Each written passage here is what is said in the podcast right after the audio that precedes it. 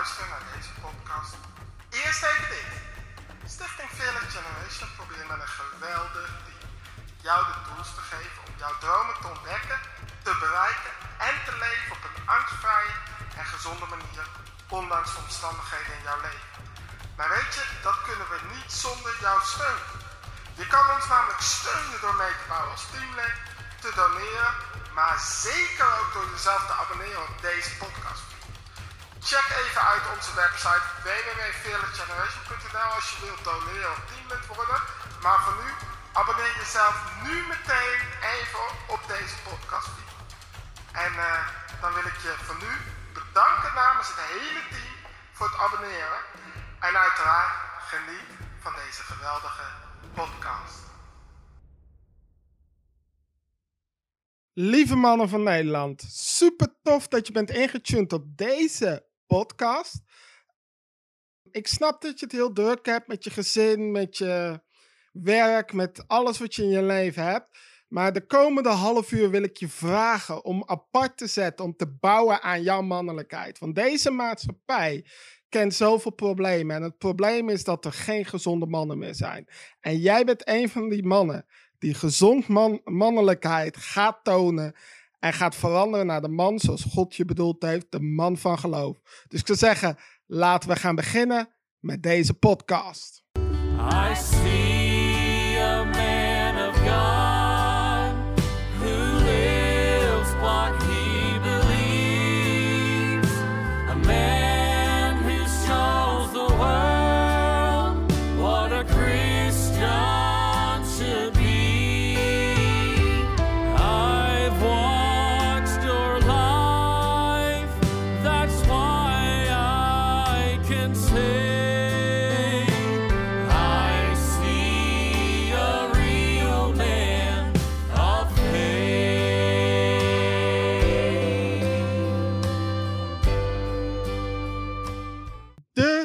derde aflevering alweer van deze geweldige serie Healthy Manhood, gezond man zijn. En we begonnen natuurlijk met de essentie van de single man. Vorige week de kracht van een man en, eh, en in het bijzonder van een sprekende man en hoe wij gemaakt zijn, wired zijn om input te geven en waar de vrouw gemaakt is om dat te vermenigvuldigen, te vergroten en te laten groeien. En vandaag en in de komende vier weken wil ik het in het bijzonder gaan hebben over het leiderschap van de man. Want hier zijn heel veel misverstanden over. Heel veel misverstanden. In onze wereld, en zeker in de westerse wereld, in deze feministische maatschappij, accepteren vrouwen niet meer het gezonde leiderschap van de man. De hoofd van het gezin. Maar wat betekent dat nou? En wij mannen hebben vaak ook een verkeerd beeld van wat de hoofd van het gezin is. Laat ik even beginnen met wat het niet is, om dan uit te komen bij wat het wel is. En in de komende vier weken gaan we dan vier specifieke ingrediënten behandelen om dat leiderschap op Gods manier te kunnen vervullen. En dat is totaal anders dan hoe vrouwen het zien, hoe mannen het zien. Maar ik ben wel op het punt, de man is het hoofd van het gezin. Het is, laten we even punt 1 wat het niet is. Mannelijk leiderschap, het hoofd van het gezin zijn, betekent niet dat de man de baas is. Een hond heeft een baas. Een vrouw een, en kinderen hebben geen baas. Leiderschap heeft niks met baas zijn te maken. Leiderschap heeft ook niet te maken dat een vrouw als een maklammetje achter haar man aan moet lopen. Leiderschap heeft ook niet te maken dat de man alles bepaalt. Het leiderschap, hoe God het ziet, is een samenwerkend leiderschap. Een leider, als we naar de Bijbel kijken, zien we leiders die dienend zijn aan degene die ze mogen leiden. Jezus was een dienstbaar leider. Zijn discipelen toen, toen eh, bij het laatste avondmaal, toen ze binnenkwamen. Hij was de leider en wat deed hij? Hij nam de taak op van een slaaf. Knielde en waste de voeten van zijn leerlingen. Leiderschap draait 100% over dienstbaarheid. Leiderschap gaat niet over ik ben meer en ik sta aan de top en jij bent er om mij te dienen. Een man is er om zijn vrouw, zijn kinderen, de maatschappij, daar waar die, de kerk, zijn werk, daar waar die is geplaatst, om daar dienstbaar te zijn. Een man is dienstbaar gemaakt. En niet omdat ze minder zijn, want even daarbij aanvullend, een gezonde vrouw, en we hebben het niet over healthy womanhood, maar een gezonde vrouw waardeert dat, respecteert dat en ziet dat. En maakt daar geen misbruik van. Jouw autoriteit zit hem in je dienstbaarheid. Die mag je opschrijven. En het eerste ingrediënt van gezond leiderschap is verantwoordelijkheid. Ook hierin zijn er heel veel misvattingen in onze maatschappij. Want ik begon al met de hoofd van het gezin en, en als we het daarover hebben, dan denken wij heel erg aan traditionele uh, uh, rolverdeling. De man gaat werken voor het geld en de vrouw zorgt voor de kinderen. Daar, en daar, daar, daar hoort dat maar that's not what I'm talking about. Daar heb ik het totaal niet over. Verantwoordelijkheid betekent, en ik kom zo met een Bijbels voorbeeld, dat alles wat in het gezin gebeurt, naar de buitenwereld toe, maar in het bijzonder naar God toe, de man is eindverantwoordelijk. De man is degene die verantwoordelijkheid, verantwoording moet afleggen. Voor datgene wat zijn vrouw doet, wat zijn kinderen doen, wat zijn gezin doet. Naar de externe wereld, maar in het bijzonder naar God. Dat is de verantwoordelijkheid. Dit gaat niet over taakverdeling. Dat is iets totaal anders. We, we verwarren die dingen. Vaak komen taken wel mee met verantwoordelijkheden, maar dat hoeft niet, want je kunt dingen delegeren. Als man kun je daadwerkelijk besluiten om te zeggen, als taakverdeling in overleg met je vrouw heb je samen besloten. Luister, jij gaat werken, ik zorg voor de kinderen. Dat de man mag best huisman zijn. Dan heb je de taakverdeling veranderd. Punt is dit: de man blijft verantwoordelijk.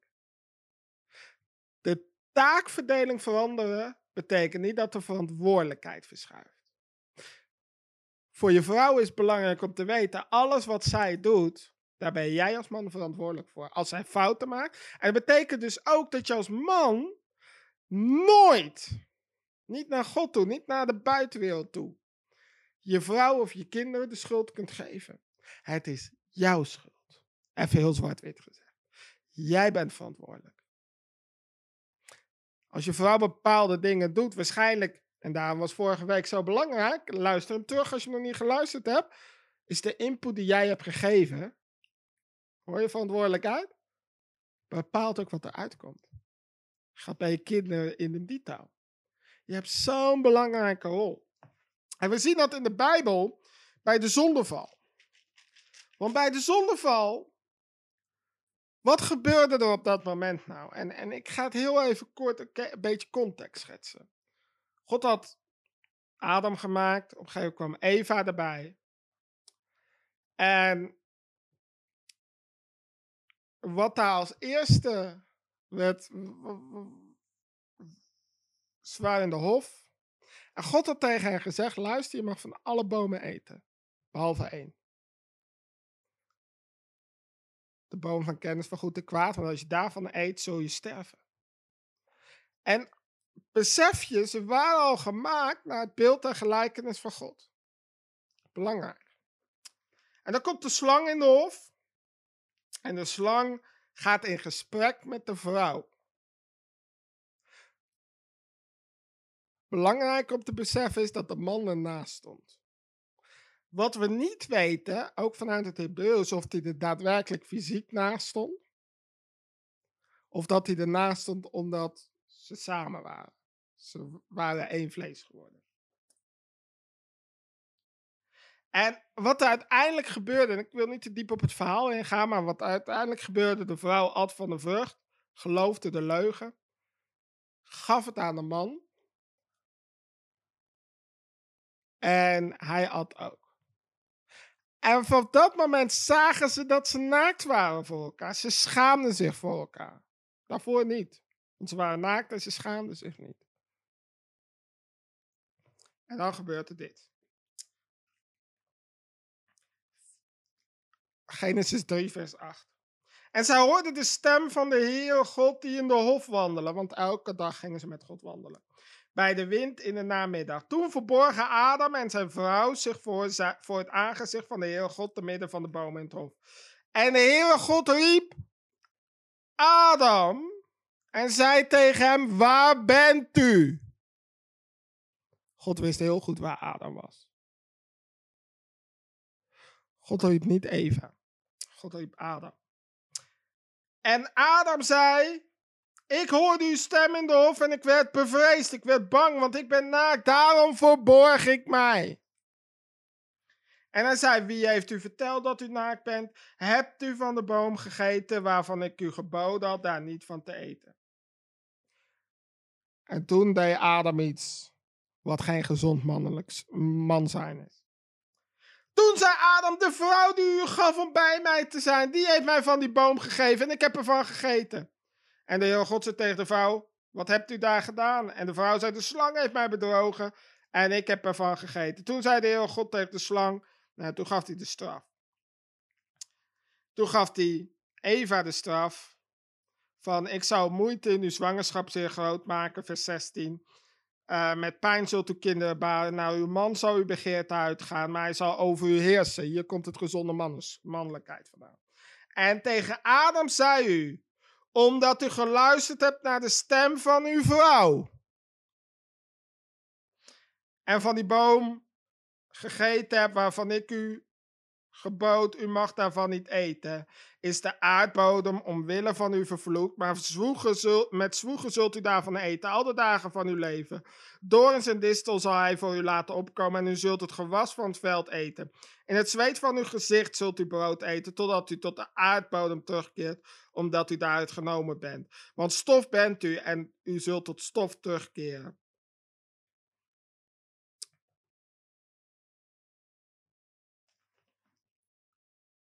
Deze, dit vers is zo belangrijk. Tegen de slang die kreeg de gevolgen van wat hij deed. Eva, de vrouw, idem dito. Maar tegen Adam, voordat hij de gevolgen gaf, zei hij nog iets belangrijkers. Omdat u geluisterd hebt naar de stem van uw vrouw. Mannen, dit woordje luisteren gaat niet om horen wat een vrouw zegt. Maar wat ging er mis waarin Adam niet zijn verantwoordelijkheid nam? Adam had de autoriteit van God gekregen om zoals hij het noemen zou, zo zal het heten, om te heersen over de vissen van de zee, en Eva was zijn helper. En een woord helper is hetzelfde woord als wordt gegeven aan de Heilige Geest. Dus een goddelijke helper. Adam was daar gesteld. En God had verlangde van Adam om zijn verantwoordelijkheid te nemen. Dat op het moment dat Eva zegt, zullen we hiervan eten, dat Adam zegt, dat gaan we niet doen. Want God heeft tegen mij gezegd dat. En zelfs nog toen God kwam om Adam tot verantwoording te roepen, want wie riep God als eerst? Eva, nee. De slang, nee. Adam, waar bent u?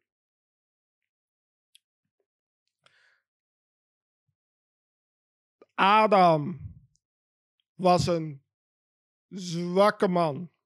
Zoals velen in onze maatschappij. Wat deed hij? De vrouw die u mij gegeven had. Een gezonde man neemt zijn verantwoordelijkheid op het moment dat het fout gaat. En voorkomt de fout. Adam had tegen Eva kunnen zeggen: Hé, luister. Dit is niet wat God wil. Wij gaan hier niet van eten. Slang, ga weg.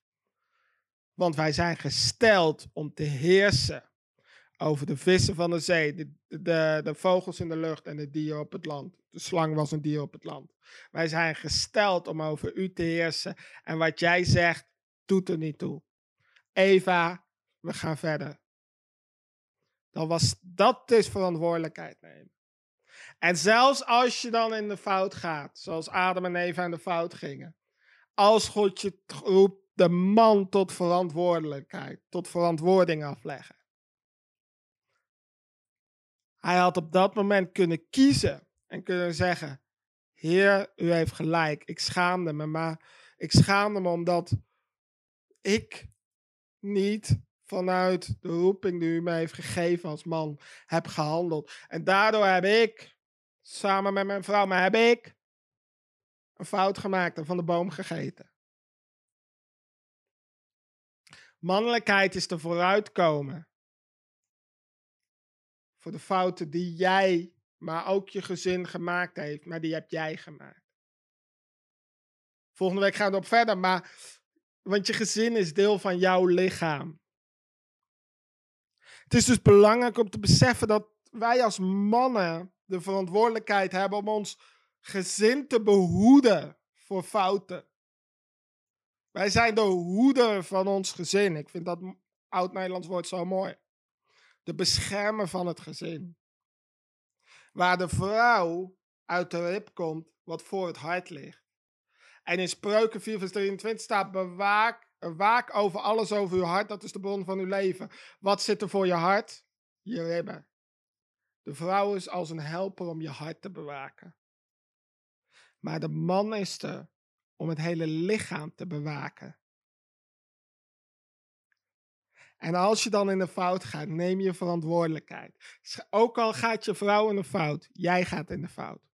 Neem je verantwoordelijkheid naar buiten toe. Het is mijn verantwoordelijkheid. Ik ben in de fout gegaan. Dat is, dat is leiderschap. Dat is het leiderschap en de verantwoordelijkheid die God van ons vraagt mannen zijnde. En neem je verantwoordelijkheid deze komende week. Volgende week gaan we verder over het leiderschap van de man. En een kleine sneak preview. Dan gaan we het hebben, en moet ik het goed zeggen, over zorgzaamheid. Dat is hem. Zorgzaamheid.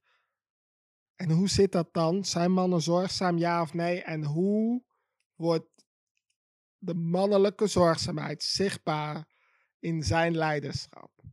Ten opzichte van zijn vrouw, zijn kinderen, zijn werk, de kerk, etc. Dus tot volgende week. En weet, je bent een man van geloof.